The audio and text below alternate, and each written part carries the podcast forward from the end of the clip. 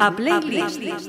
When you're down, down low, sinking in the undertow.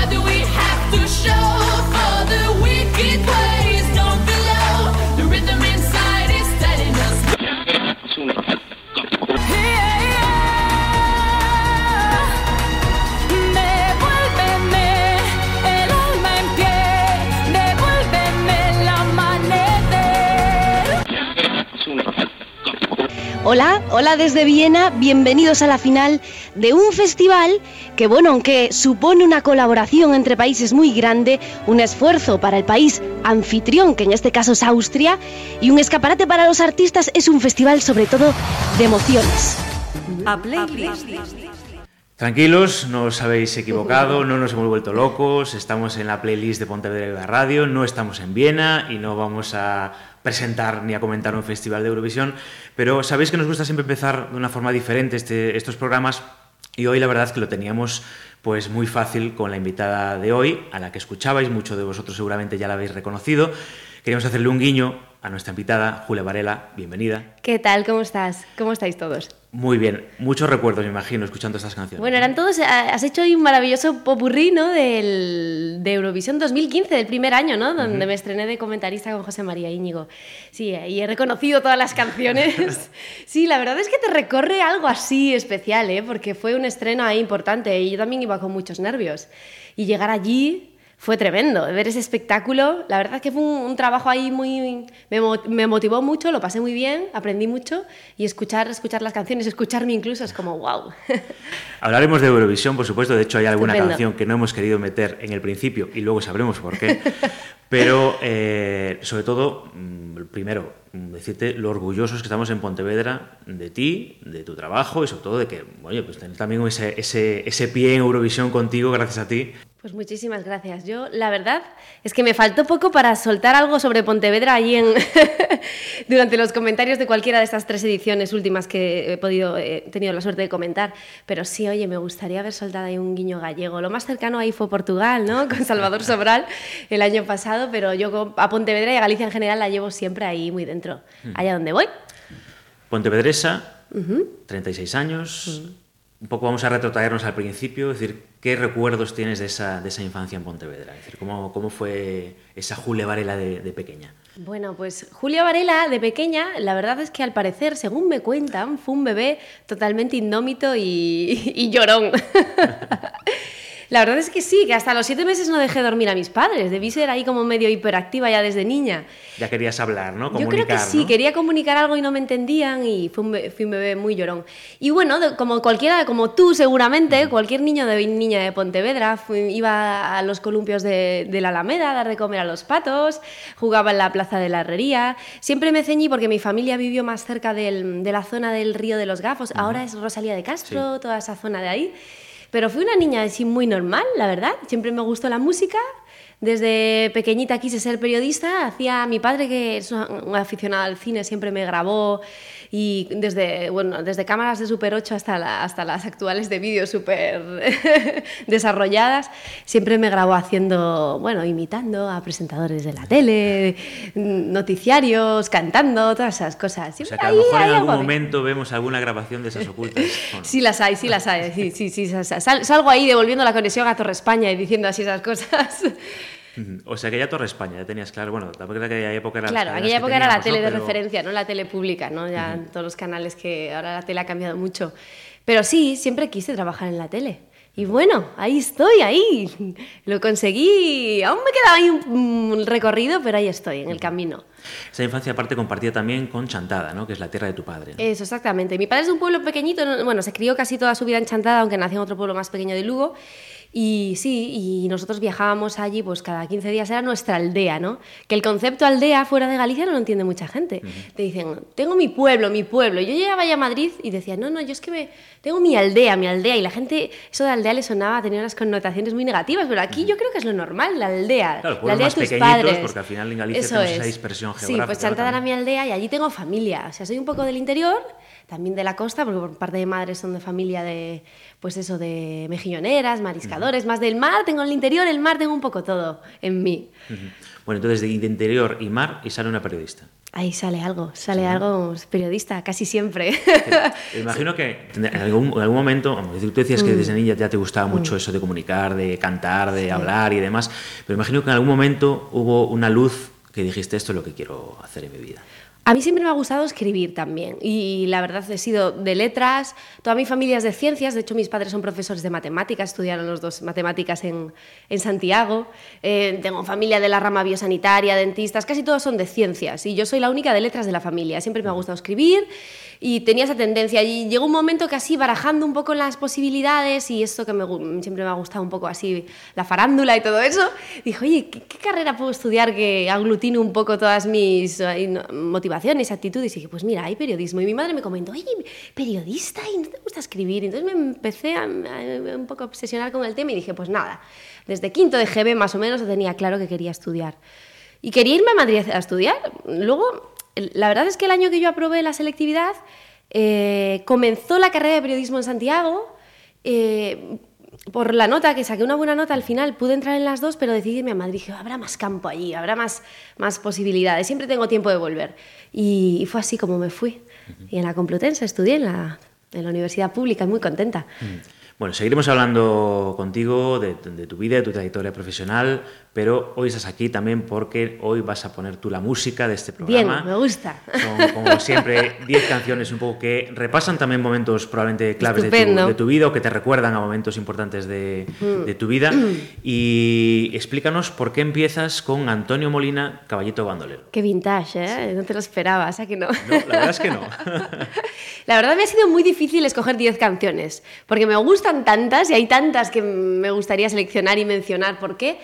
Pero empiezo por esta, por como te decía, yo nací en Pontevedra, en lo- ya no existe el Hospital Santa Rita, nací en ese hospital, en la calle que ahora se llama de otra manera, antes era General Mola, muy céntrica, aquí muy cerca. Sí, sí. Ahora es Gutiérrez Mellado. Sí, Gutiérrez Mellado. eh, eh, Gutiérrez Mellado.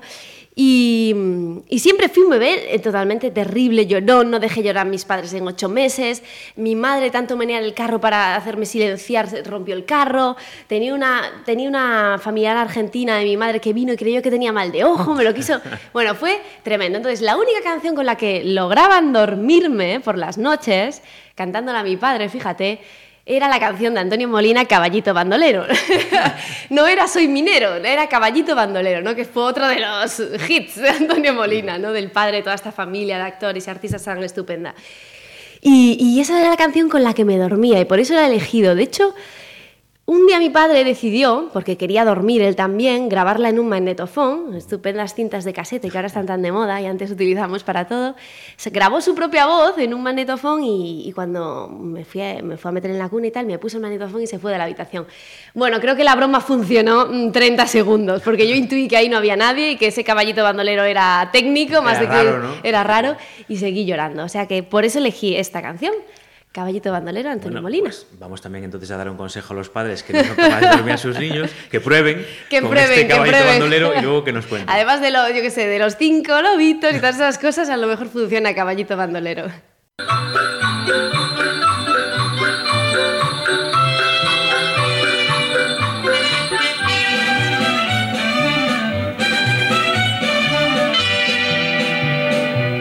montaba a caballo, bajó como un rayo, en su bandolero una rosa prendía, aunque es bandolero, como un caballero, por ver a su novia se juega la vía, por una onza de oro, su serrana lo vendió, y en vez de hallar un te adoro, con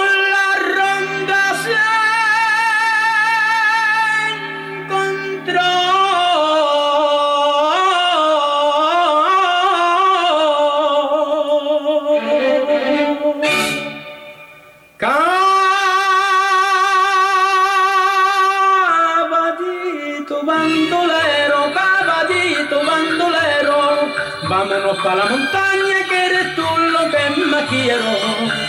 Caballito bandolero, caballito bandolero, que una penita me araña por un beso traicionero. ¡Ah!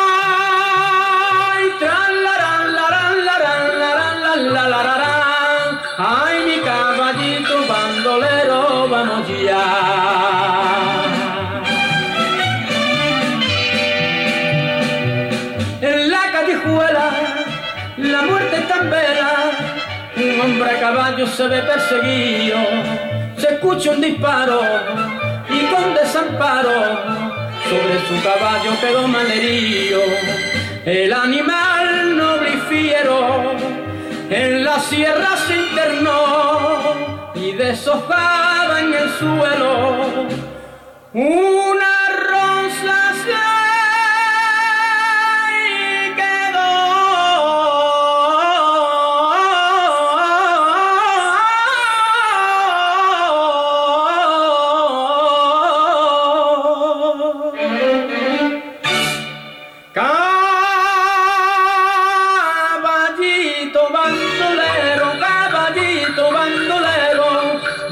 para la montaña que eres tú lo que más quiero. Caballito bandolero, caballito bandolero, que una penita me araña por un beso traicionero. Ay,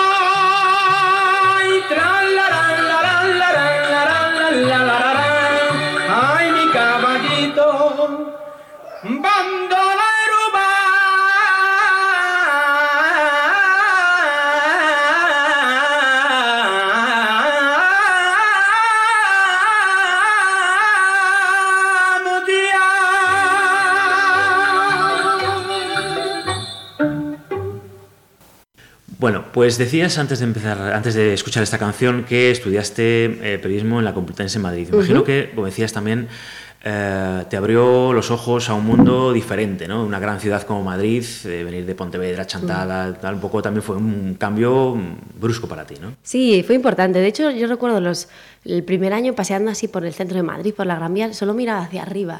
O sea, so- tenía ya hasta un poco de tortícolis de mirar hacia arriba para ver los edificios tan altos. Y digo, ostras, ¿qué es esto?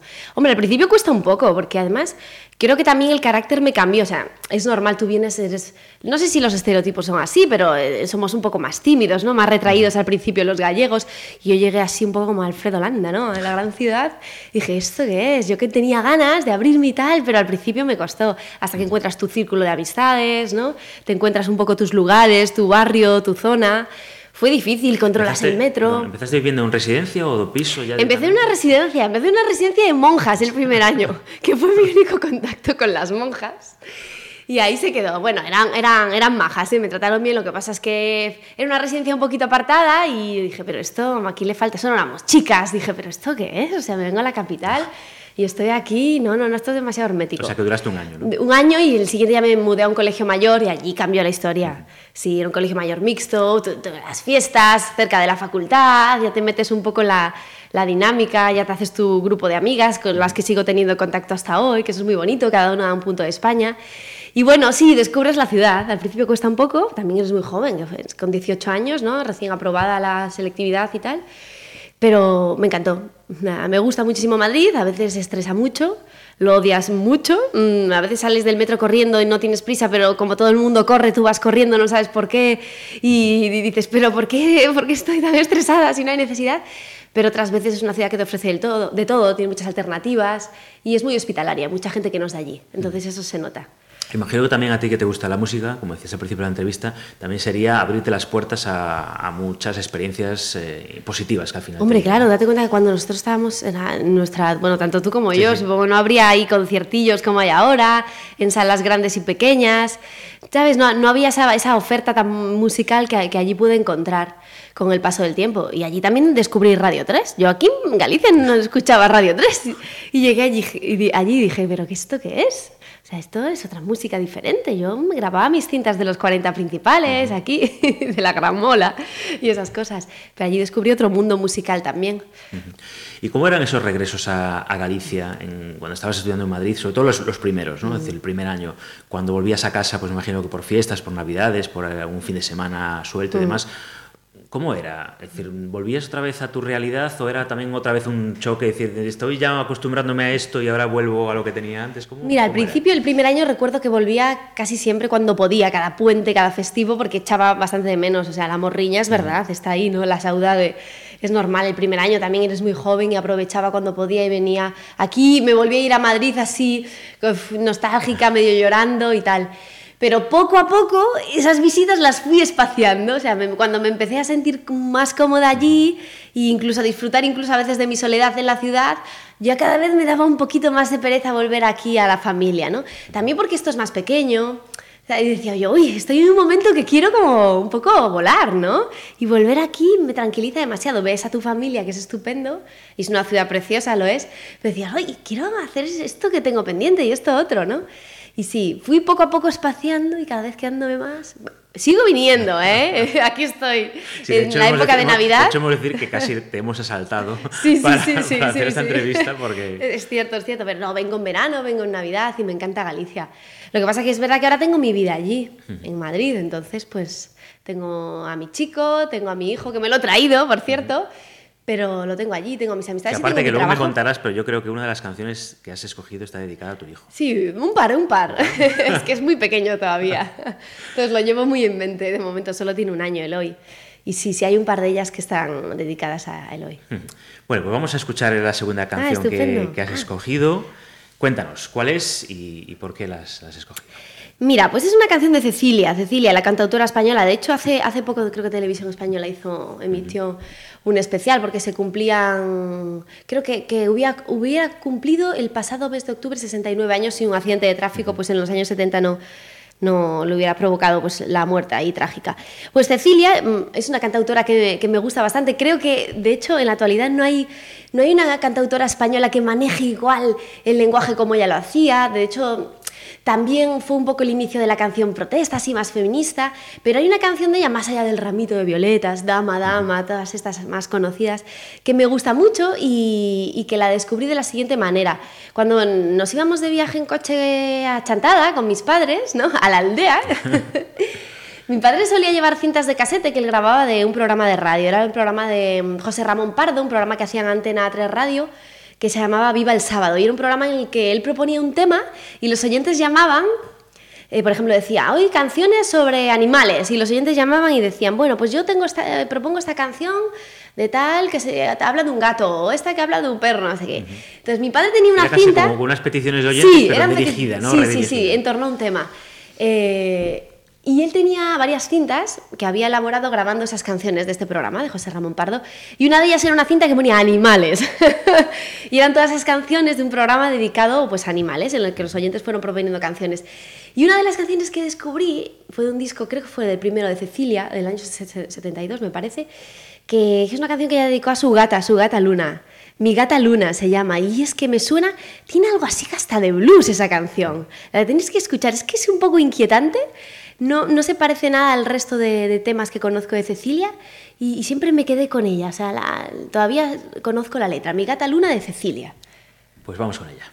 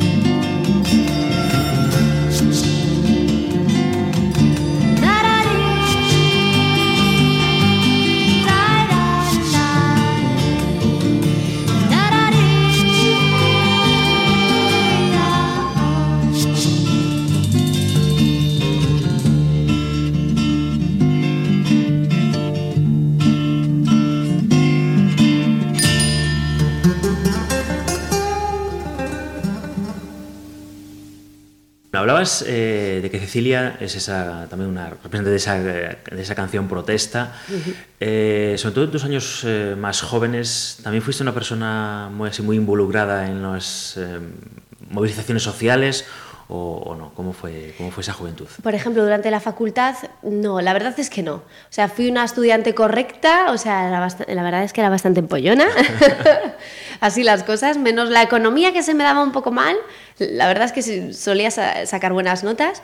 Y, y bueno, la- a ver, la Facultad de Periodismo en la Complutense y como la de Filosofía, por ejemplo, os conocía porque hay muchos grupos muy reivindicativos, sociales, tienen sus locales, pero lo cierto es que yo nunca estuve involucrada. Bueno, estuve, a lo mejor estuve en alguna huelga estudiantil, que recuerdo, pero no fui especialmente no, activa en ese terreno social, ¿no?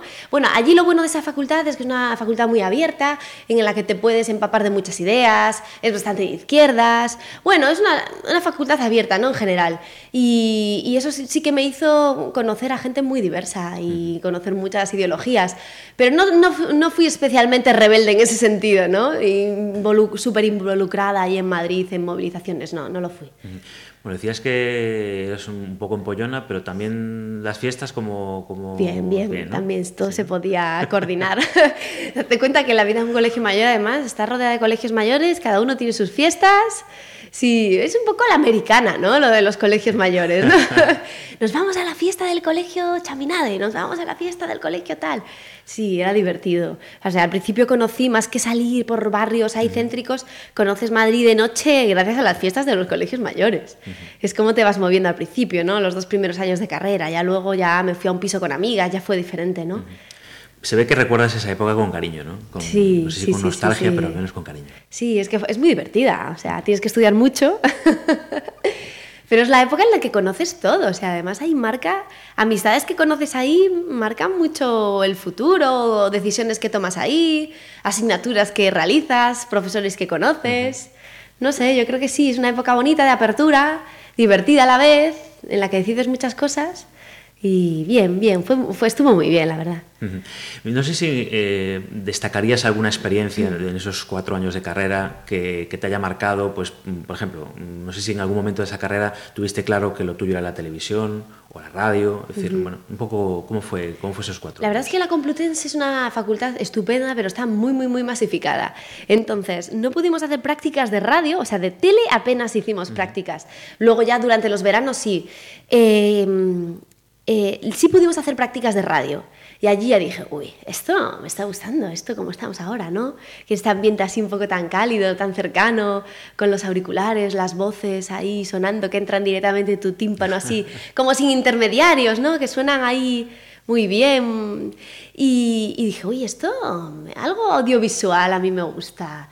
Más que prensa escrita, que también, también estuve trabajando en prensa escrita, me está gustando esto más, o radio, televisión, a mí me gustaría hacer algo así. Ya desde cuarto, más o menos tercero, cuarto de carrera, comencé a hacer prácticas en, distintos medios de comunicación en los veranos. Los hacía aquí, en Pontevedra.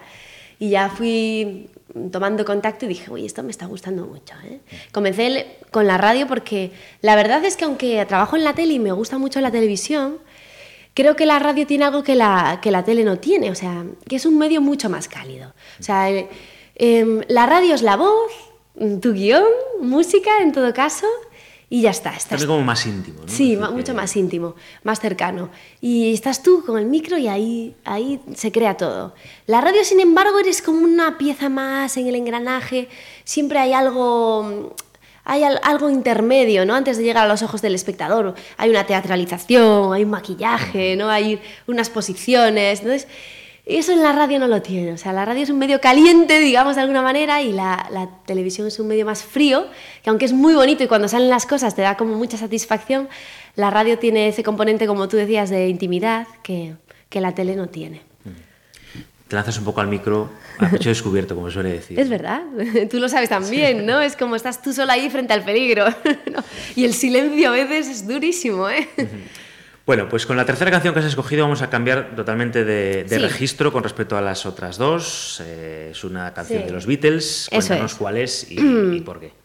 Los Beatles, a ver, yo soy de los Beatles, ¿vale? Entre la diatriba entre los Rolling y los La que- la que Beatles. todos tenemos, ¿no? Todos Los tenemos, tú, los Beatles. no sé de quién eres tú más. Yo también soy más de los Eres Beatles. más de los Beatles, yo también. O sea, yo heredé un poquito la tradición musical, mm, supongo que como todos, de mis padres. O sea, yo escuchaba los discos de, eh, de los años 60 de mis padres, de los italianos, eh, Domenico Modugno, Celentano, Celentano eh, Rita Pavone, Jimmy Fontana, todos estos que en los años 60 se hicieron también muy conocidos en España, pues me empapaba de todos ellos. También del pop de los 60 en España, los Bravos, me encantaban, el Black is Black, los chicos con las chicas, todo esto. Pero también llegaron a mis manos, eh, por supuesto, lo- los discos de los Beatles, ¿no?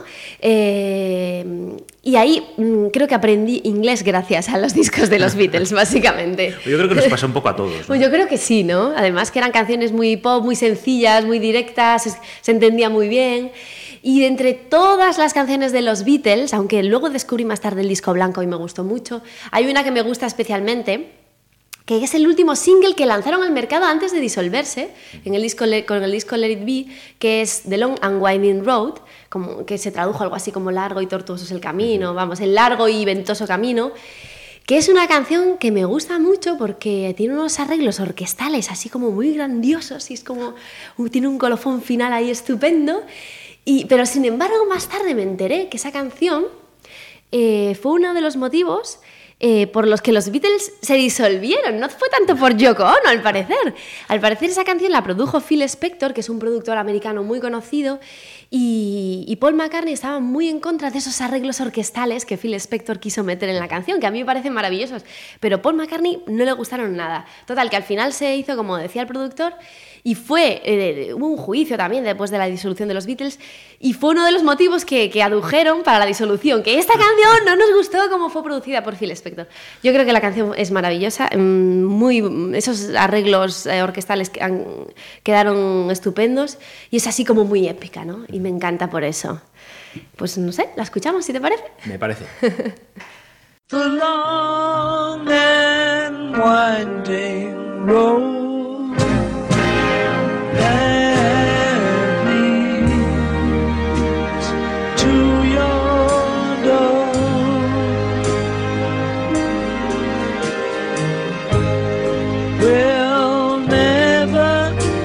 disappear. I've seen that road before.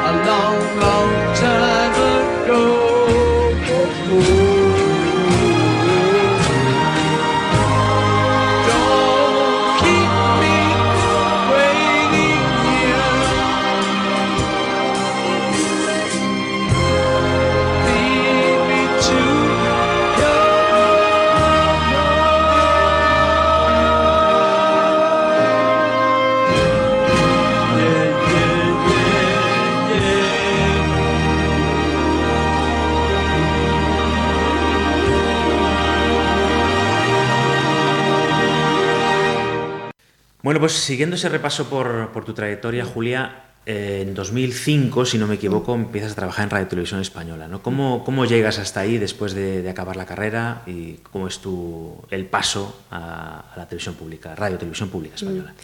Pues mira, cuando acabé la carrera de periodismo decía, a ver, ¿cómo mm, después de tengo mi currículum con mis prácticas, cómo me empiezo a iniciar en los medios de comunicación? Había hecho también allí en Madrid durante el último año de carrera unas prácticas en el diario El Mundo, en una sección que ahora ya no existe, que se llamaba suplementos especiales. Hacíamos suplementos de moda, de ferias de todo tipo, de IFEMA, eh, y, a raíz de eso eh, me salió ahí un contrato.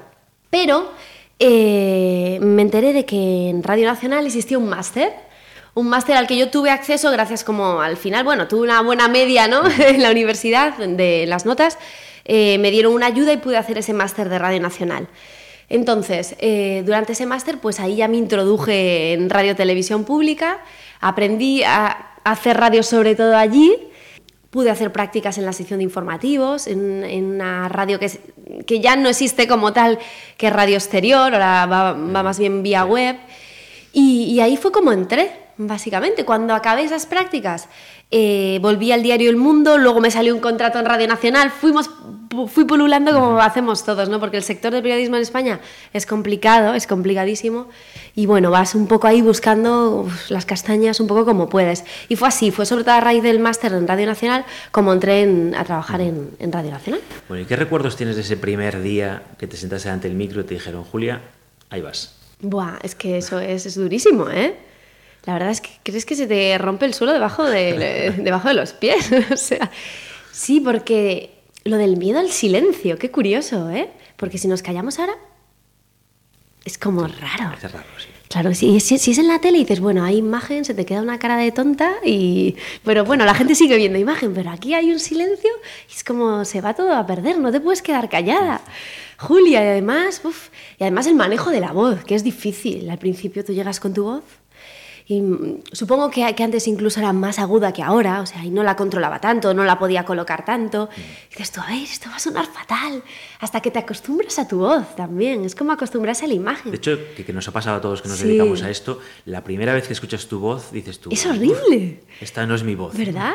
Claro, porque tú con tu propia caja de resonancia, que es tu cuerpo, siempre te la escuchas más grave de lo que es. Yo cada vez cuando me la escuché por primera vez dije, esto es un horror. ¿Pero esto cómo puede ser? Pero bueno, ahí pues, al principio comencé con, con prácticas en informativos, haciendo mis piececitas y tal, y poco a poco te vas acostumbrando a lo que haces, te van dando consejos y lo vas logrando.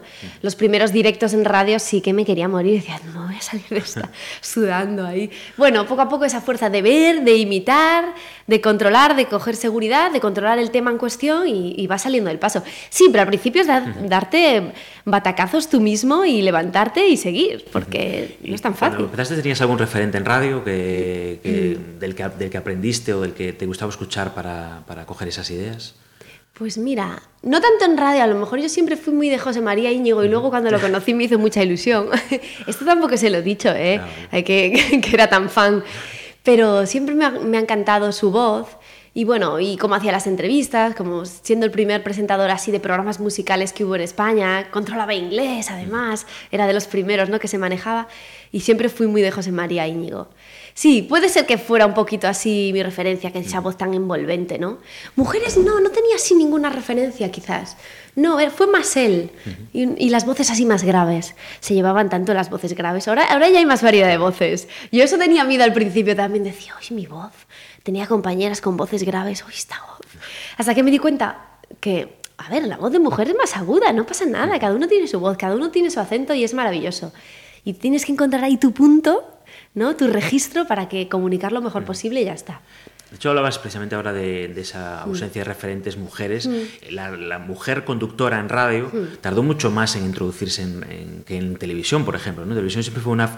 eh, las mujeres siempre tuvieron un protagonismo pues casi desde el principio. Mm. ¿no? Es decir, pero en cambio en, las radio, en radio ha costado un poco más. ¿no? Sí, es cierto. Bueno, supongo que todo viene, como en todas las esferas de la vida, tanto empresariales, tal, las mujeres todavía tenemos ahí quizás mucho terreno que, que ganar, ¿no? A pesar de todo, ¿no? Pero es cierto que, que- que en alguna clase del máster nos decían, claro, porque la voz de la mujer, lo que te decía, es más aguda y las voces graves llegan mejor al oído y son más envolventes y más cálidas. Y yo decía, pero esto, esto es muy mal, ¿no? Esto de discriminar voces, o sea, cada uno tiene su voz y ya está. De hecho, de hecho hay voces, a veces escuchas la radio y voces que no son perfectas y no son tan, ¿no? Tan de manual, graves y radiofónicas. Y dices, oye, pero me gusta esta voz, así que natural. Sí, yo creo que antes, Sí, incluso... aparte, si no, muchas veces escuchas voces Sí. y dices tú que es, la nota es demasiado impostada. ¿no? Es cierto, es como- cierto, y, y suena falsa y no te gusta y no te llega, ¿verdad? Y es cierto que quizás por eso las voces que se escuchaban en la radio antigua, digamos, de mujeres eran voces demasiado graves. Decías, esta voz de fumadora de, de tabaco negro, ¿no? Así, cazallera, ¿no? Pero estas no, no, no las veía yo tan reales. Incluso el tema de los acentos. Claro, ha- hace años en la, la radio y la radio pública en general, que los acentos intentaban ocultar. El acento andaluz, el gallego y tal, todo parecían voces uniformes. Ahora lo bonito yo creo que es todo lo contrario, que se escuche ese abanico, ¿no? De Esa voces, diversidad, ¿no? Esa diversidad de voces procedentes de distintas comunidades, distintos acentos, voces más graves, voces más agudas. Y quizás por eso a lo mejor la voz de la mujer, a excepción de algunas voces ahí muy contundentes y rotundas de mujeres, se escuchaba poco en la radio, ¿verdad? Pues esta conversación de voces agudas, graves, de mujeres, nos hila perfectamente con la siguiente canción que Es has verdad, escogido. cierto, cierto, Que- cierto, cierto. Cuéntanos, Julia, cuál es y por qué has escogido esta canción. Mira, pues es una canción de Björk, la islandesa Björk. Eh, yo cuando llegué a Radio 3, primero descubrí que existía Radio 3 en Madrid y dije, ostras, esta Hay otra música, además, Hay ¿no? otra música, ¿no? Que alejada del mainstream. Y cuando entré a esa redacción dije, uy, qué gente más rara. Porque es verdad que es una redacción aunque la gente pueda pensar lo contrario, que es muy silenciosa, porque cada uno estaban, estábamos con nuestros auriculares escuchando música. Entonces tú piensas, ah, en Radio 3, ¡fua! música, guay, y grita y tal. Pues no, es una redacción bastante silenciosa, cada uno está escuchando sus discos. Y, y cuando entré en Radio 3 a trabajar, después cuando me hicieron, bueno, aprobé las oposiciones en el año 2007, porque... En, en televisión española, pues eso, una última convocatoria que hubo para entrar fue esa en 2007, cuando aprobé yo. Y, entré, entré en Radio 3, estuve una temporada de informativos, luego conseguí cambiarme a Radio 3 y dije, ostras, esta música es muy diferente, hay unos grupos que no tenía ni idea que existían, descubrí la electrónica, dices, ¿esto qué es de la electrónica yo? Yo era un poco, ¿no? Un poco ignorante, es verdad, era bastante ignorante en todo el abanico de, de músicas existentes. Y entonces empecé a trabajar, entre todos los programas que trabajé, empecé a trabajar en uno que es como mm, legendario en Radio 3. Es el programa de vanguardia, emblema de la emisora, que es siglo XXI. Luego llegué además a ser, presentadora suplente y ahí descubría muchas bandas electrónicas, entre ellas a Björk. O sea, Björk, a ver, em, eh, esta mujer ha hecho, ha creado no solo una música diferente, o sea, eh, ha creado un universo muy diferente Casi, casi una industria casi en los países nórdicos en es torno cierto, a ella. en ¿no? torno a ella. Y, y es tan, tan distinta, ¿no? tan característica, pero si incluso se ha inventado instrumentos. O sea, tiene uno que se llama el gameleste, que es el que, además con el que tocó casi todos los temas de un disco suyo que me encanta, que fue el séptimo, Biofilia.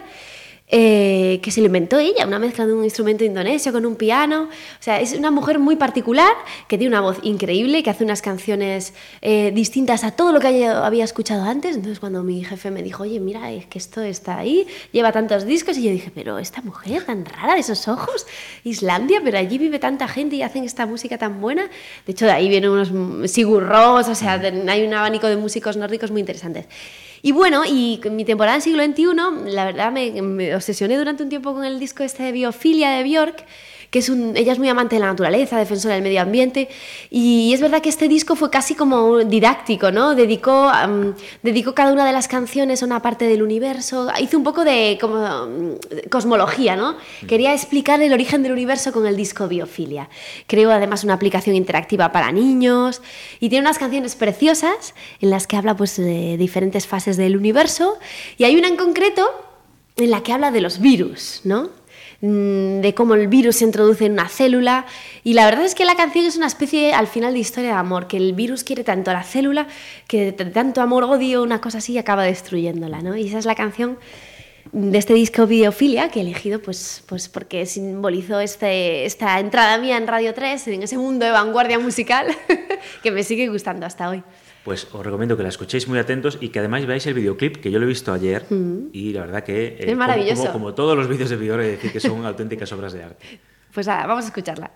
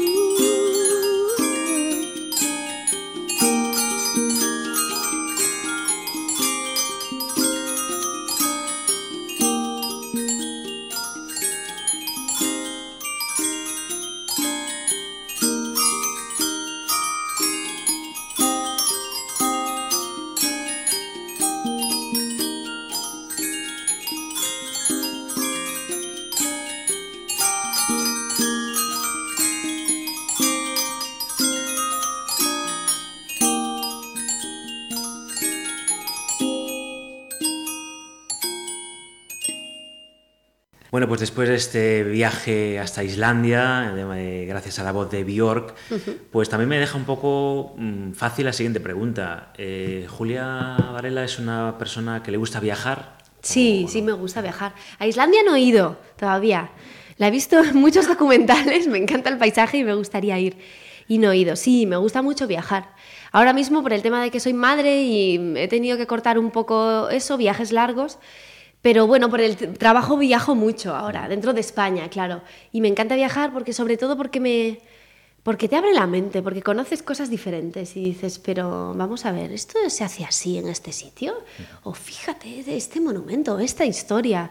La verdad es que viajar mm, te hace más empático, te, te hace más extrovertido y te descubre, te descubre mundos que no tenías ni idea. Te hace más abierto mentalmente en general. Y no sé si eres de las que hay gente que le gusta viajar sola. No sé si... No he viajado sola, no me importaría, no me importaría. Tengo muchos amigos además que lo hacen y me dijeron, bueno, los primeros dos viajes fueron duros, pero luego, luego casi prefieren viajar solos. Porque hacen sus planes, sus- tienen sus planes, sus horas, no tienen que esperar a nadie, ¿no? Pero no me importaría tener esa experiencia, ¿eh? Porque al final creo que acabaría hablando con todo el mundo que me encontrase, ¿no? Por los bares, por la calle, por los museos. Pero no me importaría. No, no he sido de viajar sola, pero no me importaría. ¿Y hay algún viaje que te haya marcado especialmente, que te Mm. haya gustado? El, a- el viaje que hice a Japón. Me, me fui a Japón con, mi, con el que es mi marido actual y fue un viaje casi de 20 días eh, que tenía muchas ganas de hacer y fue maravilloso. O sea, yo realmente descubrí que allí en algunos aspectos son una raza superior, yo creo. de verdad en lo organizados, en lo amables que son, en lo, en lo silenciosos, en cómo gestionan sus residuos. En ciertas cosas eh, me gustó mucho su cultura. En otras no tanto, porque de puertas para adentro sé que es todavía una cultura bastante machista. Pero me encanta la comida japonesa, me encanta el sushi en general. Y me impactó mucho, sí, me impactó también que, por ejemplo, eh, cuando los jóvenes estudian allí en la, en la facultad, apenas salen de, de- de esas islas, apenas saben inglés. O sea, para comunicarse era muy gracioso porque tenías que asaltar a gente que, más joven que puedes, podía chapurrear algo de inglés, pero incluso los que no sabían se desvivían, se deshacían por explicarte. Y, y las direcciones, o sea, son muy, muy amables, amabilísimos. Y en ciertos aspectos, dije, muy civilizados, mucho más que nosotros. Decías tú, ahora por tu trabajo tra- viajas mucho por España, ¿no? Sí, eso es. También, aparte de, obvia- obviamente, tu tierra, que siempre Sí, tira. la visito a menudo, de hecho. Mi jefa me manda a menudo al norte. Hombre, siempre da Ya más... Dice, ya tú la controlas, ¿no? Sí, ¿Sabes? Ya- tú la controlas y también como... Yo te creo que también eh, que empatizas más con la gente, ¿no? Hombre, a veces es curioso mandar una gallega al sur, por ejemplo. Vete ahí a Cádiz y vete a hablar con, con los pescadores del atún o lo que sea y tal. Pero bueno, yo creo que en tu tierra pues sabes un poco ya por dónde va la gente y es más fácil, ¿no? Llegar a ciertas respuestas o a ciertas personas. Sí, pero también viajo mucho en, en Comanda Actualidad, que es el programa de reportajes de la 1, donde trabajo ya de una manera más fija desde hace unos dos años, pues viajamos mucho por España, o sea, cada semana y media más o menos tenemos que grabar fuera. Y, y también me gusta mucho, o sea, me gusta muchísimo conocer gente en general. O sea, me- lo que me gusta es hablar con la gente, llegar y empatizar y descubrir. Gracias a ese programa he descubierto, pero esta persona, fíjate que vive en este pueblo y se dedica, yo qué sé, y a las 4 de la mañana se levanta y va por mejillón y les da igual y tal, o hace esto, o, o- o borda esto y mm, por tanto dinero y. Quiero decir que descubres ahí, pues, tradiciones y que dices tú, pero yo por qué no sabía esto si está tan cerca, ¿no? Sí, eh, eh, me parece fascinante también, ¿eh? Viajar por esos así pueblos más pequeños. Bueno, y por las grandes ciudades de España también. La fiesta de las fallas, ¿no? por ejemplo, que yo nunca la había vivido así con tanta intensidad como lo hice durante el trabajo, si hasta me vistieron de fallera.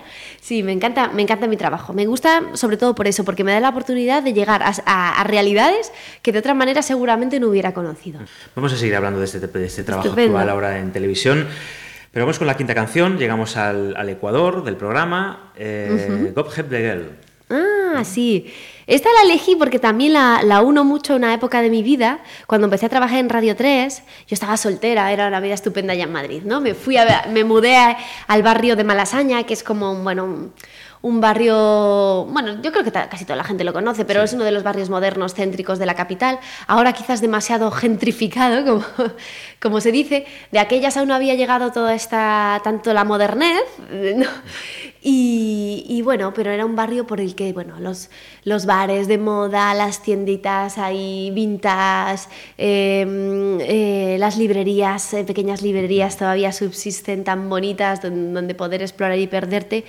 Y es un barrio por donde pasaba todo el mundo. Yo vivía, mm, oye, que está aquí esta amiga, me bajo a tomar una caña Es que contigo. Era casi como una pequeña ciudad dentro de Madrid. Eso es, ¿no? Donde vivíamos pueblo, ¿no? Digamos. mucha gente joven, donde conviven pues carnicerías eh, antiguas con las tiendas de moda. Entonces hay un contraste muy bonito que yo viví con mucha intensidad durante estos primeros años de, de Radio 3, en los que trabajaba en Radio 3, y donde empecé a conocer también mucha música y muchos bares, pequeñas salas, y ahí yo iba a mis conciertos, y, y a raíz de esto un poco pues te, te empiezas a dar cuenta de que existen grupos, pues como pas- pasaba con Björk, de panorama independiente, que a los que no habías dado nunca ninguna escucha. Y ah, bueno, pues hablamos también de grupos españoles, ¿no? Desde Vetusta Morla, ahora se ponen de moda Izal, pues todos estos grupos, Lori Meyers, los iba descubriendo, decía yo, qué cosas tan tan diferentes, ¿no? Me gusta este pop así, cercano, en español, alejado un poco de la industria ahí masiva.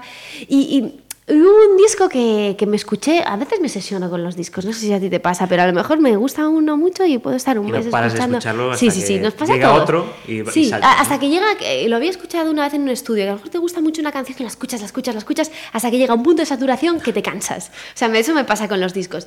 Eh, descubrí uno, que es este que mencionabas, que se llama God Save the Girl. No, perdón, perdón, God me estoy confundiendo. God Help the Girl, me estaba confundiendo con el God Save the Queen de, de los británicos.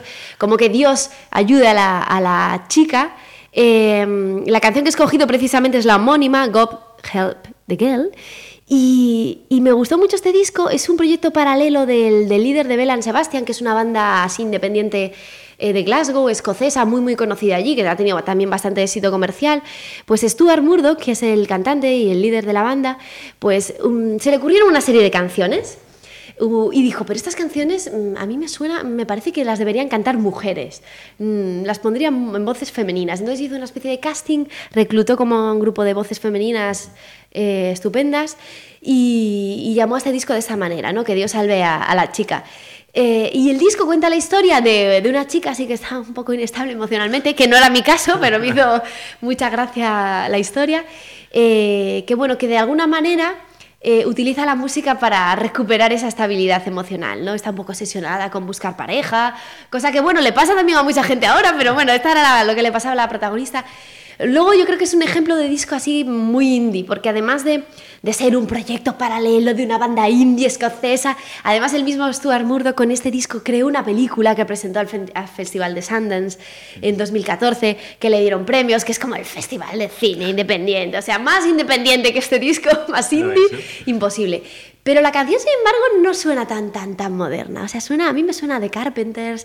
Es más clásica. La verdad, es, es una maravilla de canción y me gustaría que todo, toda Pontevedra la escuche. Pues desde luego la van a escuchar.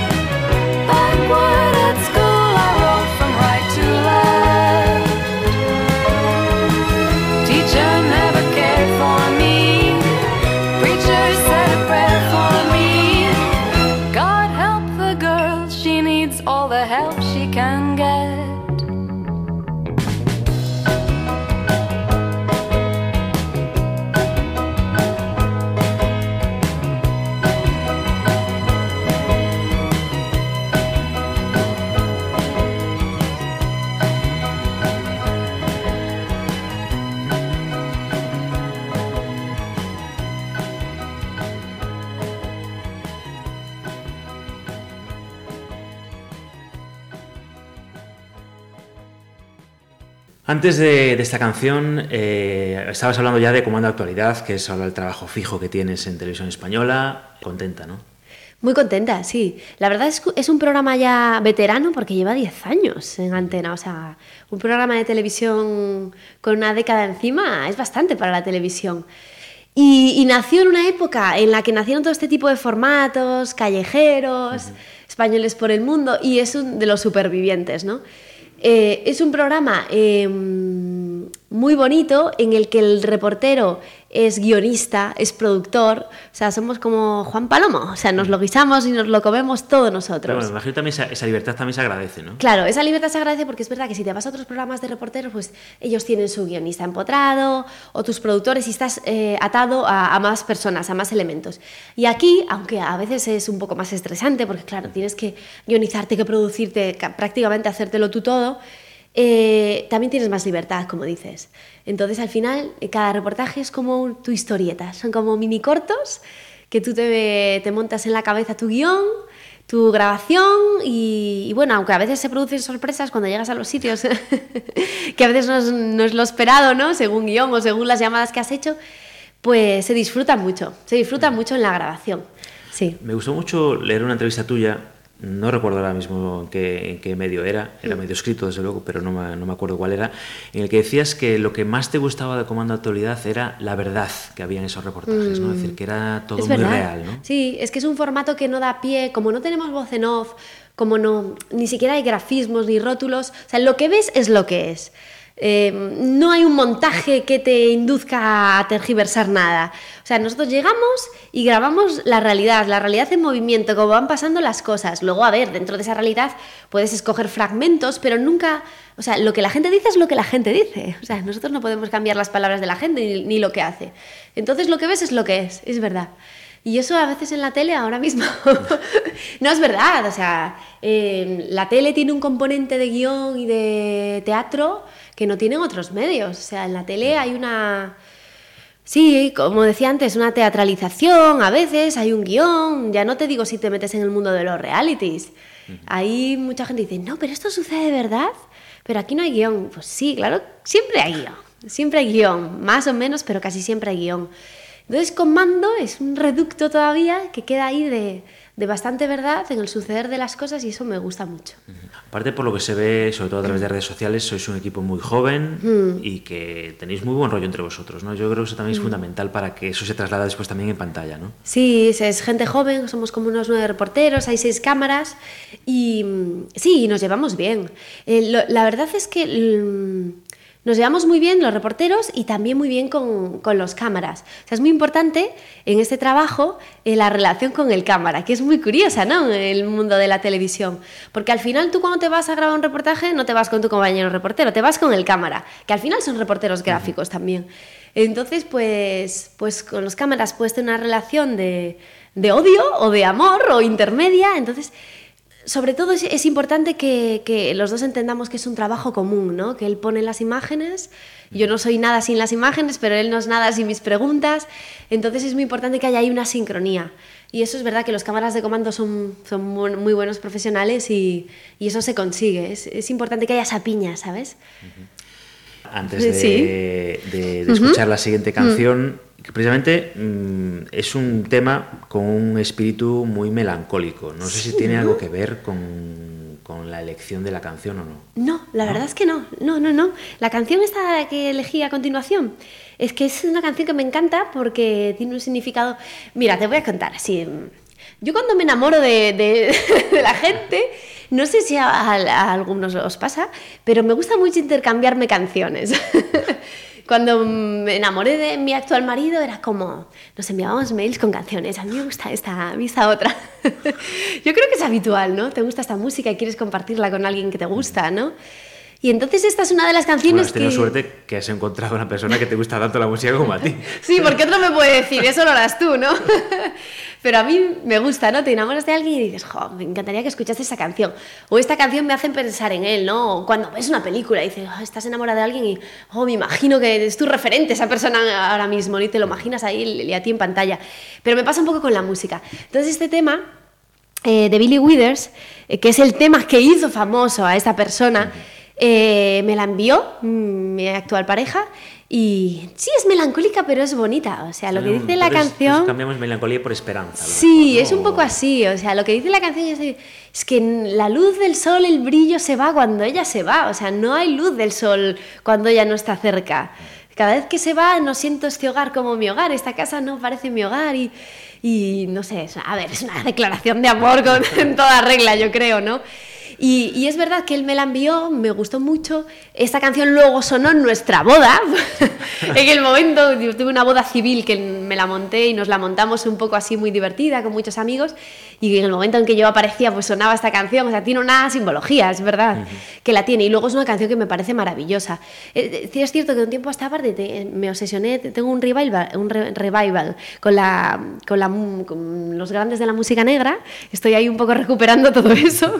Y él entra un poco también en esto, De hecho, ¿no? Billy aún- aún Withers. hay alguno más que va a sonar. Hay alguno más. Es que es verdad, es que es cierto que, que además del, del indie, de un año a esta parte estoy de, pero yo qué sé, James Brown, Aretha Franklin, o sea, todas estas voces, Nina Simone, yo las tenía así un poquito dejadas, ¿no? Y de repente las escuchas y dices, pero esto, ¿esto qué es? Estos músicos de jazz increíbles y al final es que es música de mucha calidad. Que, que si, si escuchas a lo mejor una radio convencional que no sea Radio 3, pues no alcanzas nunca a escuchar estos estándares a veces tan maravillosos. Bueno, pues esa, esa es la canción Billy Withers. Ain't no sunshine when she's gone. No hay luz del sol cuando ella se va. Es preciosa. Ain't no sunshine when she's gone. It's not warm when she's away. Ain't no sunshine when she's gone. She's always gone too long. Anytime she goes away. Wonder this time where she's gone. Wonder if she's gone to stay. Ain't no sunshine when she's gone,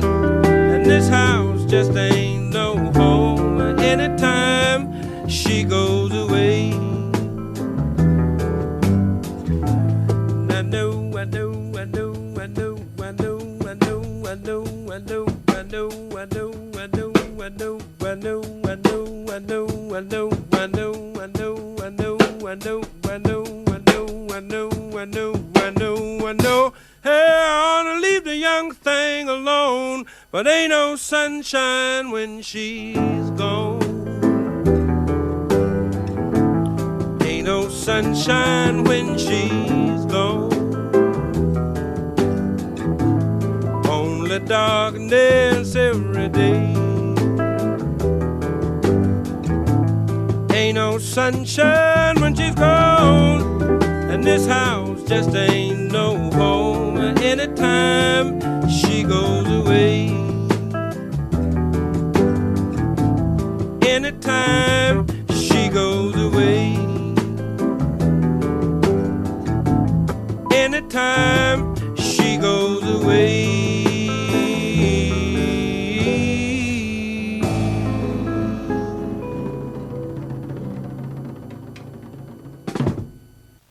Pues seguimos en la playlist de Pontevedra Viva Radio con Julia Varela y vamos a hablar ahora de Eurovisión. 2015, una fecha que imagino tendrás grabada y Eso es uno de es. los momentos más importantes de tu vida probablemente, ¿no? De mi vida profesional supuso un gran reto. La verdad es que sí. Cuando me dijeron, oye, estamos buscando así una voz diferente a la de José María Íñigo, que ya lleva unos cuantos años comentando Eurovisión, para que hagáis ahí equipo, ¿no? Un dúo de comentaristas, que, que bueno, que él sea la voz grave, ¿no? Como que a mí siempre me había gustado. También voz de la experiencia, de la veteranía en esto. Y, y bueno, y tú una voz más joven, que a lo mejor conecte más con otras audiencias. Yo creo que la idea estaba bien y, y que está bien, de hecho. Y, y bueno, sí, la verdad es que llegar allí a Viena en esa edición de Eurovisión 2015 y, enfrentarme a eso fue, fue interesante. Bueno, tú, tú estabas acostumbrada a cubrir festivales para Radio Sí, 3, sí, pero sí. imagino que aquello es mm, la dimensión estratosférica. Claro, es otra ¿no? cosa. Es que es, es otra cosa, es diferente a un festival de música. O sea, eh, Eurovisión es un festival. No, Eurovisión es un programa de televisión. O O sea, digamos, además, si estás allí además en, el- en la misma arena, en el mismo estadio, te das cuenta, porque toda la iluminación, toda la- todo está hecho para verlo en pantalla. O sea, incluso la gente que está allí de pie en el festival a veces no ve bien el escenario. O sea, es un programa de televisión, de hecho es el, el programa de televisión más longevo que existe ahora mismo. Y, mm, y entonces, claro, decía, decía yo, pero esto es muy, muy importante, ¿no? Y me di cuenta, también yo, a ver, yo tenía una idea de Eurovisión, como tenemos todos, yo la había seguido desde niña, en mi, en mi casa siempre se había visto Eurovisión, estaba familiarizada con canciones que habían eh, triunfado allí, con los temas españoles que triunfaron en los años 60, las dos victorias esas. Pero, pero bueno, también es verdad que en España a lo mejor hay una idea un poco trasnochada y un poco a lo mejor kitsch de lo que era Eurovisión, ¿no? La gente a lo mejor le preguntas en la calle, excepto un, un universo de Eurofans y ven Eurovisión como un poco a lo mejor algo ya trasnochado. Y yo cuando llegué allí me di cuenta de que era hipermoderno. O sea, yo había estado en festivales muy modernos. Cuando estuve en el Sonar aluciné y dije, esto es un, un parque temático de la electrónica. Pero cuando llegué a Eurovisión dije, esto, esto está muy bien hecho. O sea, efectos de realización. Eurovisión es un programa de televisión donde se innova, o sea, todas las grandes propuestas también en escena, eh, fuegos de artificio, no efectos, se ponen ahí en práctica. O sea, como programa de televisión es eh, espectacular. Es uno de los mejores espectáculos de televisión que creo que, que existen. Y yo me di cuenta ahí, dije, esto es mucho más de la idea que tenemos en España, esto es muy importante. Y de hecho, el año siguiente, cuando fui a Suecia, que los suecos aman Eurovisión después de los Sí, sí, Nobel, están a otro nivel, están a otro nivel, dije, esto es increíble. O sea, a efectos de organización, por ejemplo, a efectos de los ensayos que teníamos que hacer, incluso los propios comentaristas. Antes de cada gala tenemos que hacer dos ensayos. Mm, eh, casi generales, el tiempo que tenemos eh, para hablar entre canción y canción durante las famosas postales de Eurovisión son 40 segundos escasos que como pises la canción Te matan.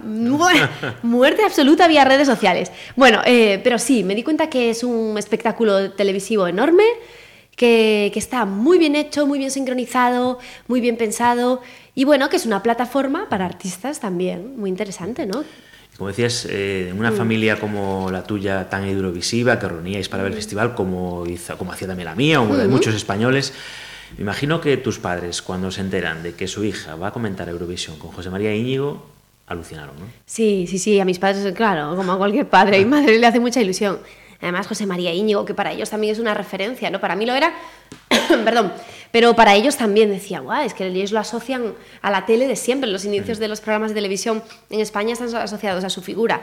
Entonces, "Joder, que no se te suba la cabeza. Y yo, a ver, mm, tranquilos, esto es un trabajo. Al final, al final, en realidad, bueno, hay mucha parafernalia, ¿no? Tiene una, parece que tiene una dimensión grande, pero al final tú te enfrentas a ello como un trabajo, ¿no? Tienes tu micrófono, tus canciones, tienes que hacer, tienes que prepararte mucho también, tienes que ver tu guion, tu documentación, o sea, allí no puedes ir... No, no, no, allí hay que ir habiendo investigado, habiéndote empapado de mucho y cuando vas así, vas seguro y haces tu trabajo al final como todo el mundo. Pues ese año 2015, Eurovisión la ganó una canción que, a propósito, la dejamos fuera de esa selección inicial con la que empezábamos el programa, porque es una de las canciones que escogió Julia Varela para esta playlist. Háblanos de ella. Eso es, bueno, elegí a Måns Zelmerlöw, el, el representante sueco ese año en, en Viena, porque, bueno, para mí significó el primer año que fui a comentar Eurovisión, es el ganador y desde, y desde el principio fue la canción ganadora. Estuvo rodeada al principio de un halo de plagio porque decían que se parecía mucho a un tema de David Guetta. ¿no? Ah, no. Sí, sí, un tema de David Guetta, el de Lovers of the Sun, me parece que era. Eh, y de hecho se parece. Pero bueno, se dio por buena al final, que es lo importante. Los suecos además saben, los suecos saben afinar muy bien en qué tema puede tener opción a ganar. Eh, Måns Zelmerlöw era una persona, y es de hecho muy conocida en Suecia, es presentador de televisión, eh, eh, canta muy bien, ha hecho Y sus que aparte pinitos. parece que tiene, por lo menos lo que transmite en pantalla, mucho carisma. Sí, tiene mucho carisma, aguanta el primer plano que es increíble, o sea, se comía la cámara y desde el principio fue una canción que enganchó, o sea, es una canción movida, la escuchas ahora y te, te apetece cantarla. Desde el principio fue la ganadora, ya todos imaginamos que iba a ganar y de hecho así fue, ¿no? Y sí, para mí va a estar siempre hilada a, ese- a esa primera edición, ¿no? En la que participé de comentarista y me gusta mucho ese Heroes. Don't tell the gods I left a mess. I can't undo what has been done. Let's run for cover. What if I'm the only hero left? You better fire off your gun once and forever. He said, Go dry your eyes and live your life like there is no tomorrow, son. And tell the others to go singing like a hummingbird, the greatest anthem ever heard. We are the heroes of our time. But we're dancing with the demons in our minds.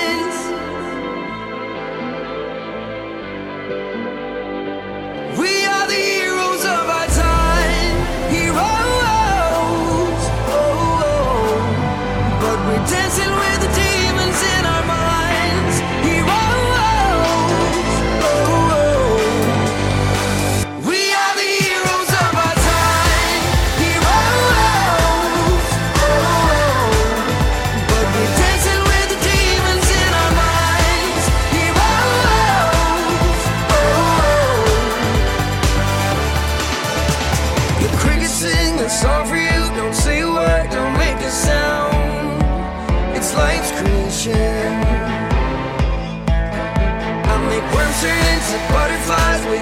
turn this world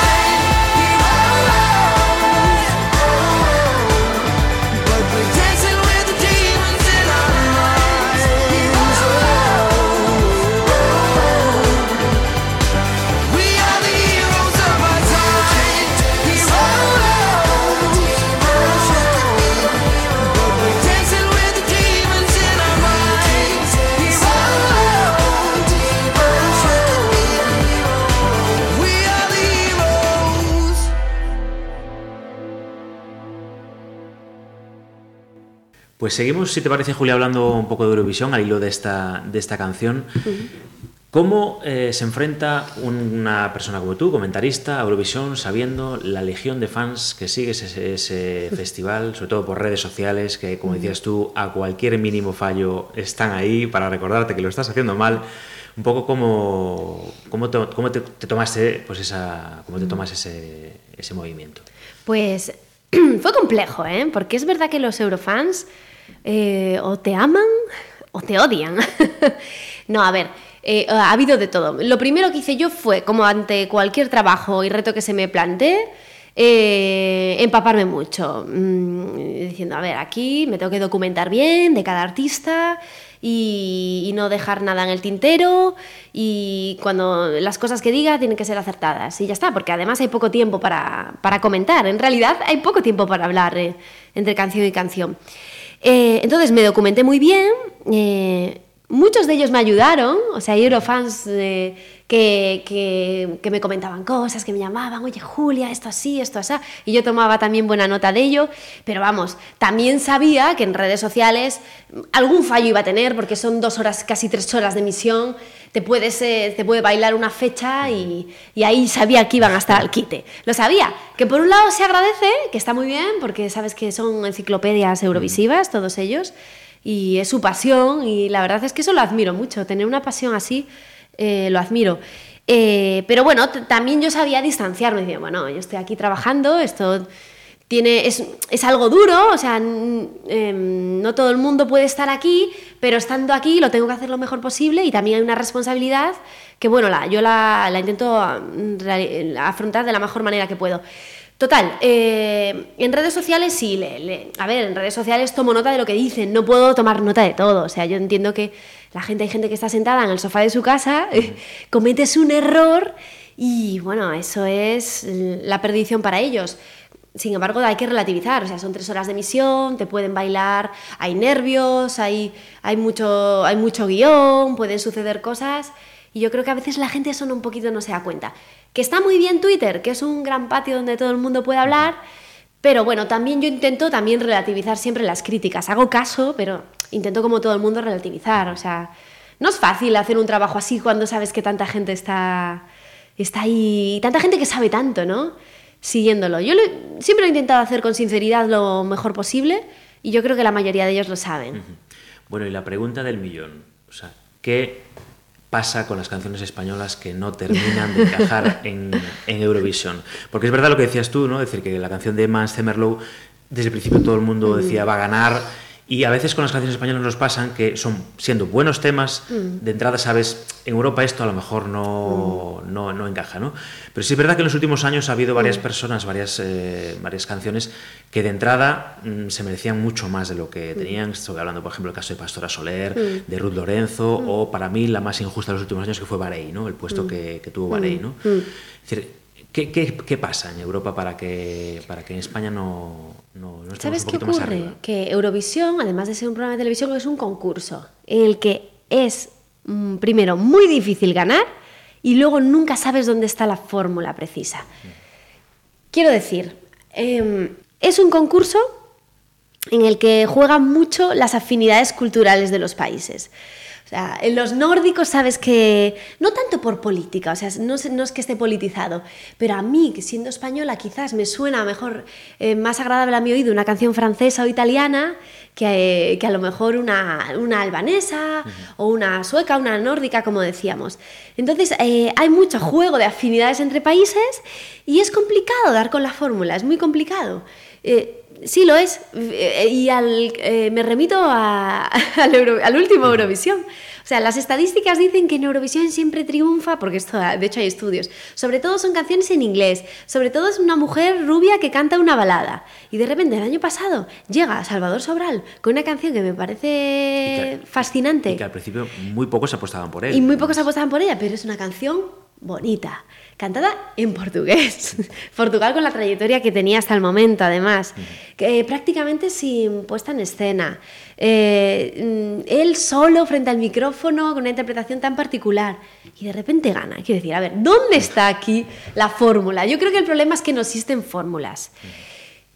Y que es cierto que hay que llevar una buena canción, una muy buena canción. El año pasado era una buena canción. O sea, el año pasado triunfó la canción. Es un festival de la canción.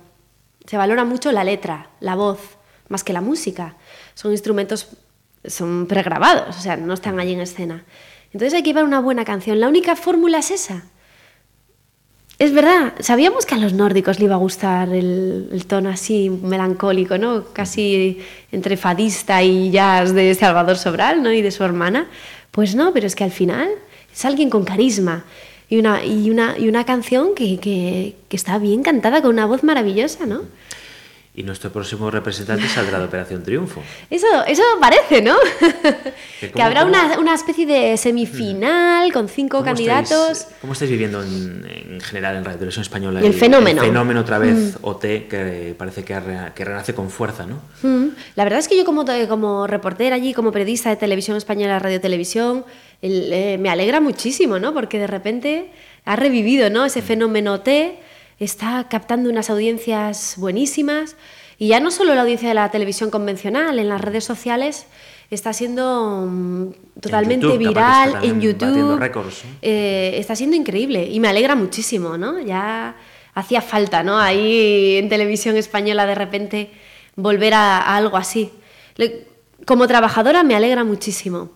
Como espectadora no, no soy tan fan porque, eh, a ver, me gusta OT y lo sigo además, pero mm, eh, no soy muy fan del formato reality, ¿vale? Pero a- a ningún nivel, o sea, de los talent show tipo Tu cara me suena, X Factor y todo eso, no lo sigo tanto, o sea, eh, pero por como, desde un punto de vista totalmente personal, como espectadora, o sea, no, no sigo mucho ese tipo de, de formatos en televisión. A mí me gusta la música, me encanta. No soy muy seguidora del, del formato reality show, pero como fenómeno y como producto y, y- y como generador de audiencias, buenas audiencias de nuevo, me, me parece eh, estupendo. Pues vamos a continuar con esta playlist que mm, cuando lo escuchéis entenderéis que no tiene nada que ver con Eurovisión, la siguiente canción. La verdad es que no. Pero, pero bueno, cuéntanos por qué has escogido esta canción de Nat King Cole. Nat King Cole, cachito mío. Mira, Nat King Cole, en este revival que tengo de, de grandes voces y músicos eh, afroamericanos, pues es uno de los que más me gusta. Primero porque lo conocí también dentro de todos los discos que heredé de mis padres. Eh, Nat King Cole tiene mm, un, disco en español que lo grabó en La Habana, en México, allá por los años 50.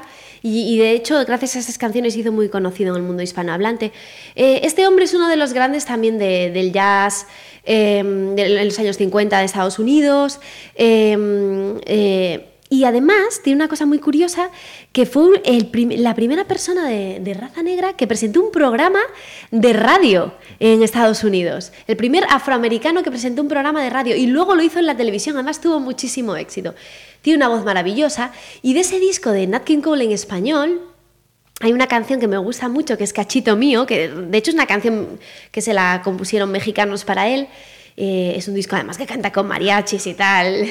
sí, es un poco locura.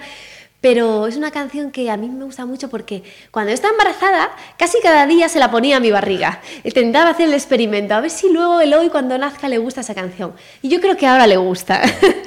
Y, y le tengo mucho cariño por eso, porque me reúne un poco con mi infancia, con la música que heredé de mis padres, y también porque me gusta, y me gusta él, es un músico de jazz, un pianista y cantante estupendo, encima que ejerció ahí lo que estamos haciendo nosotros ahora, ¿no? de, de locutor de radio. Y es casi un poco cerrar el círculo, ¿no? Es decir, tus padres te ponían caballito bandolero y tú le pones cachito Y, ahora- y- y- luego le pondrá a sus hijos, yo qué sé, Vetusta Morla o algo así, o Mons Elmerlong, ¿no?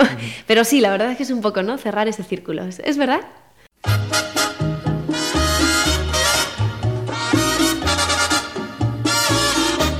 Cachito, cachito, cachito mío, pedazo de cielo que Dios me dio.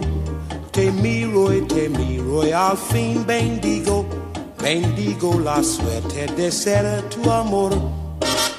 Me preguntan que por qué eres mi cachito y yo siento muy bonito al responder que por qué eres de mi vida un pedacito.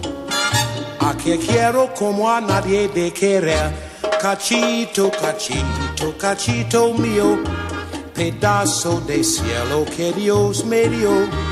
Te miro y te miro y al fin bendigo, bendigo la suerte de ser tu amor.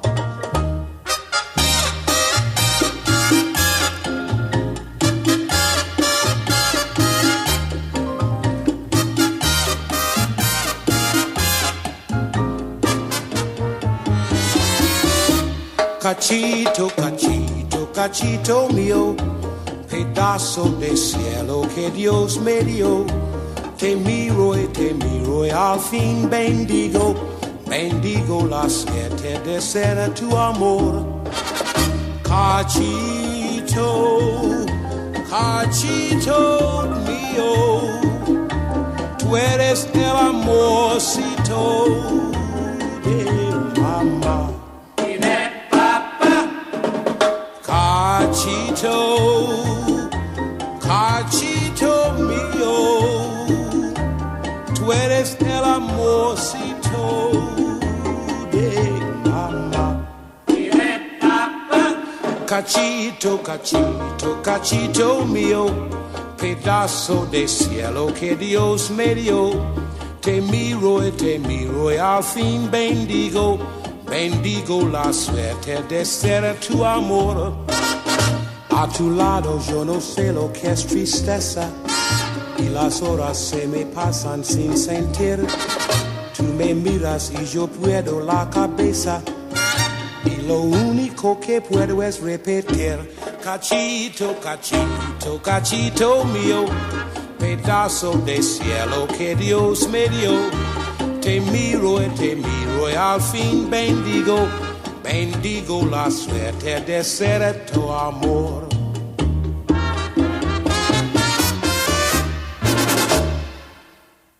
Pues entramos ya en la recta final de esta playlist en Pontevedra Radio con Julia Varela y vamos a, a di- dirigir un poco la conversación ahora hacia, hacia aspectos quizá más personales, pero también enlaza un poco con la siguiente canción que vamos a escuchar dentro de un rato.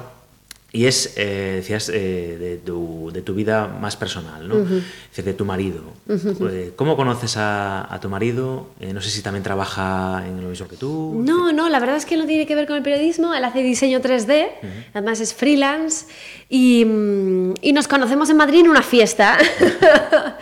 la verdad es que nos conocemos en una fiesta en Madrid y en una fiesta en casa de amigos y, él me pide el teléfono pero le dije que no y siempre me lo va a recordar, ¿no? Le dije que no de primeras, al cabo de unos meses luego nos volvimos a, reencontrar y, y la verdad es que fue así. No, no Matías se llama y no tiene, eh, él es de Madrid, eh, aunque tiene ascendencia argentina y, mm, y no tiene nada que ver con esto. eh. Está cansado de, de escuchar todas las vicisitudes y anécdotas de la tele en casa. Pero, y se lo pasa bien, de hecho, la verdad es que es un mundillo interesante también para la gente ajena y, y se lo pasa muy bien. Y, y sí, pues nos conocimos, al cabo de un tiempo pues empezamos y como todo, intercambiamos canciones y aquí estamos, ¿no? Que tenemos un bebé precioso que se llama Eloy. Ujú. ¿Cuánto tiempo tiene? Un año, acaba Un de año. cumplir un año. Sí, está aquí por Pontevedra también. Bueno, y que bueno, imagino que tendrá que ver a los abuelos, claro. Sí, es el primer nieto y eh, sus abuelos galegos están totalmente emocionados. Me imagino que también te ha cambiado un poco la vida la maternidad, ¿no? Sí, cambia la vida, es verdad, pero ¿sabes qué pasa? Que, mm, ay, que estoy, ay, no sé si tú te has dado cuenta, pero de un tiempo a esta parte también hay discursos así sobre la maternidad, incluso en los medios de comunicación. Esa polémica que tuvo Samantha Villar, ¿no? Es cierto. Un poco con, Eh, con muy diversos, ¿no? Como la maternidad no es esa imagen que todas teníais, tal. Es la maternidad es horrorosa, es agotadora, es a ver, yo creo que hace tiempo la mujer se dio cuenta que la maternidad no era esa imagen romántica, ¿no? De crianza rosa, estupenda, ¿no? Todos sabemos que, es agotador, o sea, es, es energía, es algo que quieres, pero es una personita que depende de ti. O sea, y la verdad es que malas madres, liga de la leche, eh, todo esto es eh, gente que se convierte un poco de repente en gurú de la maternidad, me aburre un poco. Yo creo que la maternidad es algo íntimo, privado, cada uno decide y lo vive un poco como quiere y, y O no como hay puede, ¿no? o como puede y que no hay no hay nada de no hay nada de normas, o sea, la única regla es el amor y como lo vayas tú gestionando y ya está. Lo que pasa que bueno, de, vez en cuando sí que mm, sacar titulares así un poco polémicos, pues sí, mueve a la gente y tal. Pero yo creo que estoy un poco aburrida de esos discursos, sinceramente. La maternidad la vivo un poco como puedo y me encanta mi hijo y, y ya está. Imagino que será un poco pronto para pensarlo o no, pero ¿te gustaría tener más hijos o con Pues este? mm, ya- eh, todavía estoy, estoy agotada. Solo, te- solo tiene un año el hoy. Quién sabe en el futuro. También, a ver, conciliarlo con el trabajo, a pesar de que estamos en el siglo XXI, no es tan fácil.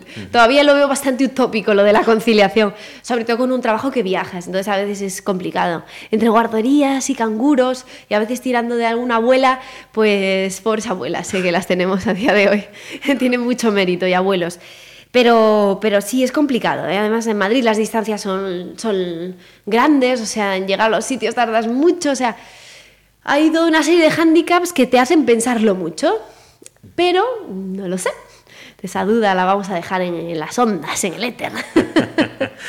Bueno, pues la siguiente canción eh, creo que está dedicada a Eloy, si no me equivoco, que Mm. eh, explícanos tú cuál, qué canción es y por qué, y por qué Bueno, se la voy a dedicar a Eloy, se la dediqué ya cuando la escuché, pero también se la voy a dedicar a Salvador Sobral, que justamente en el día de ayer, hace nada, me enteré de que había salido de la UCI después del trasplante de corazón, o sea, eso acaba de pasar, es el, es el ganador de la última edición de Eurovisión, y esta canción que he elegido como la que él cantó en Eurovisión está compuesta por su hermana, Luisa Sobral, que de hecho tiene en, en Portugal, eh, creo que tiene un poco más de trayectoria que él, tiene varios discos. Y, y ella como él pues son, son músicos, o sea, es, aparte es- él tuvo un gesto muy bonito Mm. después de ganar Eurovisión, que es eh, que su hermana subiera a cantar subió, con él. ¿no? subió con él a cantar porque de hecho ella es la autora de la canción, de ese Amar Pelos Dois, que escribió pensando en que la cantase su hermano. Y, y, sin embargo ella tiene muchísimas canciones anteriores y muy bonitas. Y tiene una en especial que la compuso para su hijo. De hecho el videoclip, si lo veis, es una canción que se llama Para ti. Eh, es muy curioso, ¿no? Eh, ella empieza, es un videoclip en el que en el va- va- vas viendo un poco la progresión de, de su tripa, ¿no? Hasta que al final tiene al niño en brazos. Ella ha hecho un spoiler fatal, ¿verdad? Pero bueno, es un videoclip precioso y la canción es muy bonita, la voz de ella es maravillosa, como la de su hermano, y, y la melodía también lo es, como, como Amar Pelos Dois, como la que ganó Eurovisión y que ella compuso. Pues vamos a escuchar este Para ti de Luisa Sobral.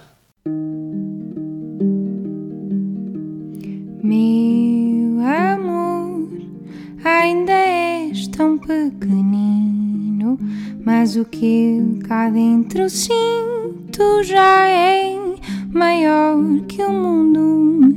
E quando à noite te sentires sozinho, eu pego na guitarra e canto baixinho.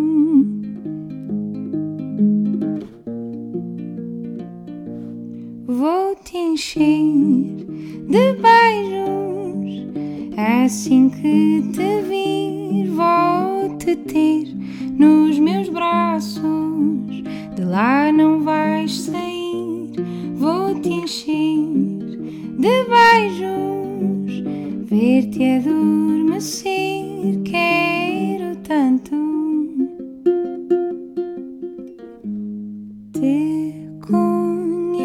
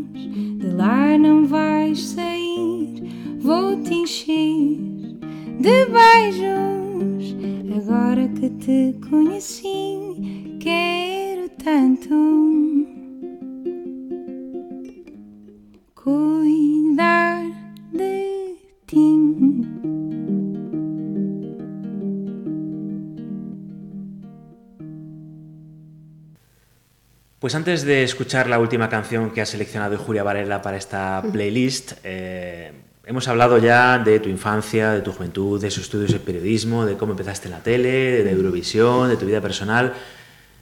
¿Cuáles son los retos que te planteas ahora futuros, eh, tanto en tu vida personal como profesional, claro? Guau, yo siempre, de hecho, esta, la última canción que vamos a escuchar tiene que ver un poco también con, con esta filosofía de vida que tengo, o sea, cada, cada día pueden surgir cosas nuevas, yo estoy abierta y siempre con el radar puesto a nuevos proyectos. Supongo que mi, experiencia en Comando Actualidad, que ahora la verdad está, está siendo muy enriquecedora, llegará un momento que tenga que cambiar, habrá otros programas. Me gustaría seguir siendo reportera porque me gusta mucho salir a la calle, me gusta mucho hablar con la gente y conocer cosas así en primera mano. También me gustaría hacer algo más de plató, quizás en el futuro, y también me gustaría escribir. No sé, algo. Un libro a lo mejor, una A lo mejor sí. algo así, sí, algo. Tengo ahí algunas ideas en la cabeza. A lo mejor surge algo también en ese sentido, ¿no? Y bueno, y quién sabe, a lo mejor se abren más ediciones de Eurovisión para mí. Siempre todo está en el aire. La tele también es un mundo en ese sentido que, que es difícil concretar a veces, ¿no?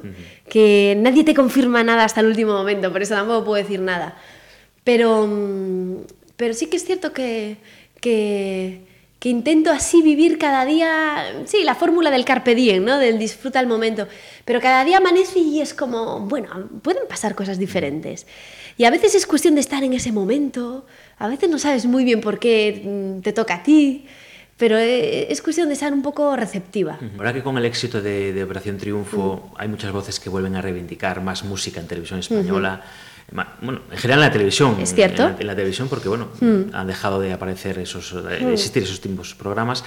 No sé si te gustaría que Televisión. Española te llamara y te dijese, Julia, mm, queremos hacer un programa de música contigo, por ejemplo. Bueno, a mí, claro, me encantaría que pensaran en mí en ese sentido, me encantaría. Pero en general creo que sí que estaría bien que la actual televisión pública hace falta un programa de música. Sí, creo. Y en un horario mm, que sea asequible para, para distintas audiencias, que no sea muy de madrugada.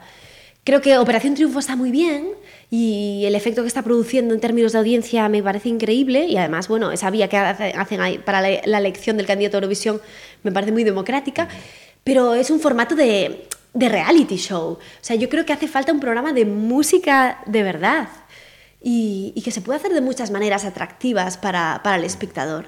O sea, se puede hacer... Hay muchas ideas, hay gente muy creativa además incluso dentro de la casa que, que lo podría hacer.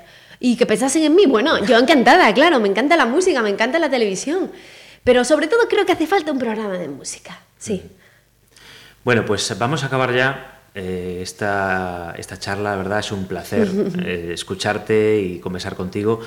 Eh, lo vamos a hacer un poco con una canción que reúne dos cosas de las que pues estamos hablando. Por un lado, esa recuperación que estabas teniendo de voces negras Eso es. y de esa filosofía de Carpe Diem, ¿no?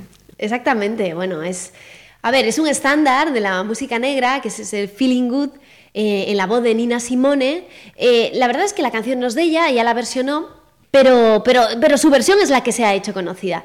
Y yo la he vuelto a recuperar como himno casi vitalista y optimista que os podéis poner cada mañana, yo lo hago muy a menudo, porque una de las últimas series de televisión que he visto, que, que es la del cuento de la criada, eh, bueno, no quiero hacer spoiler tampoco, vaya, eh, no quiero desvelar nada, pero hay un momento importante de la serie en la que suena esta canción y es como un momento así como de liberación, decías, ya era hora que pasara esto y, y, bueno, pueden cambiar las cosas. Y, y bueno, es que la verdad es que de eso va esta canción. Y de eso va un poco mi planteamiento, que abres un ojo cada día y es como, es un nuevo amanecer, es un nuevo día, es una nueva vida y me siento bien. I feeling good. Pues con este mensaje tan vitalista eh, que nos lanzas, Julia, eh, despedimos el programa. Muchas gracias por aceptar nuestra invitación. Gracias a ti Alejandro y gracias a Pontevedra Viva Radio por invitarme y eh, la verdad es que estoy orgullosísima de poder hablar en una radio aquí de, de mi ciudad, de Pontevedra y ha sido muy agradable hablar contigo de tantas cosas y de música. Muchas gracias. Pues gracias a ti. Nos vamos con este Feeling Good de Nina Simone. Volvemos la semana que viene. Muchas gracias. Adiós. Birds flying high, you know how I feel. Sun in the sky, you know how I feel. Breeze drifting on by, you know how I feel. It's a new dawn, it's a new day. It's a new life for me, yeah. It's a new dawn, it's a new day. It's a new life for me. Ooh, ooh, ooh, ooh. And I'm feeling good.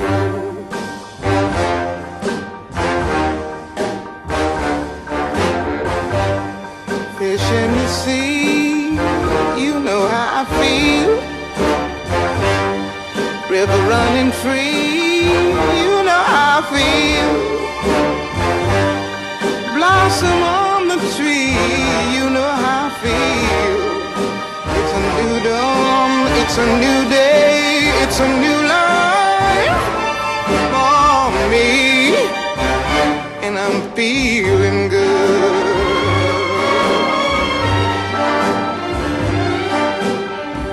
Dragonfly out in the sun, you know what I mean, don't you know?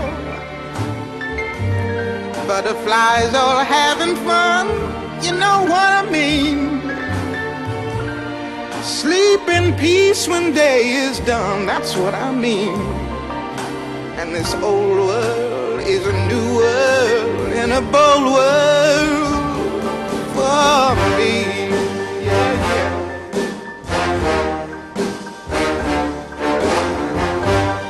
Stars, when you shine, you know how I feel. Scent of the pine, feel. Oh, freedom is mine, and I know how I feel. It's a new dawn, it's a new day, it's a new life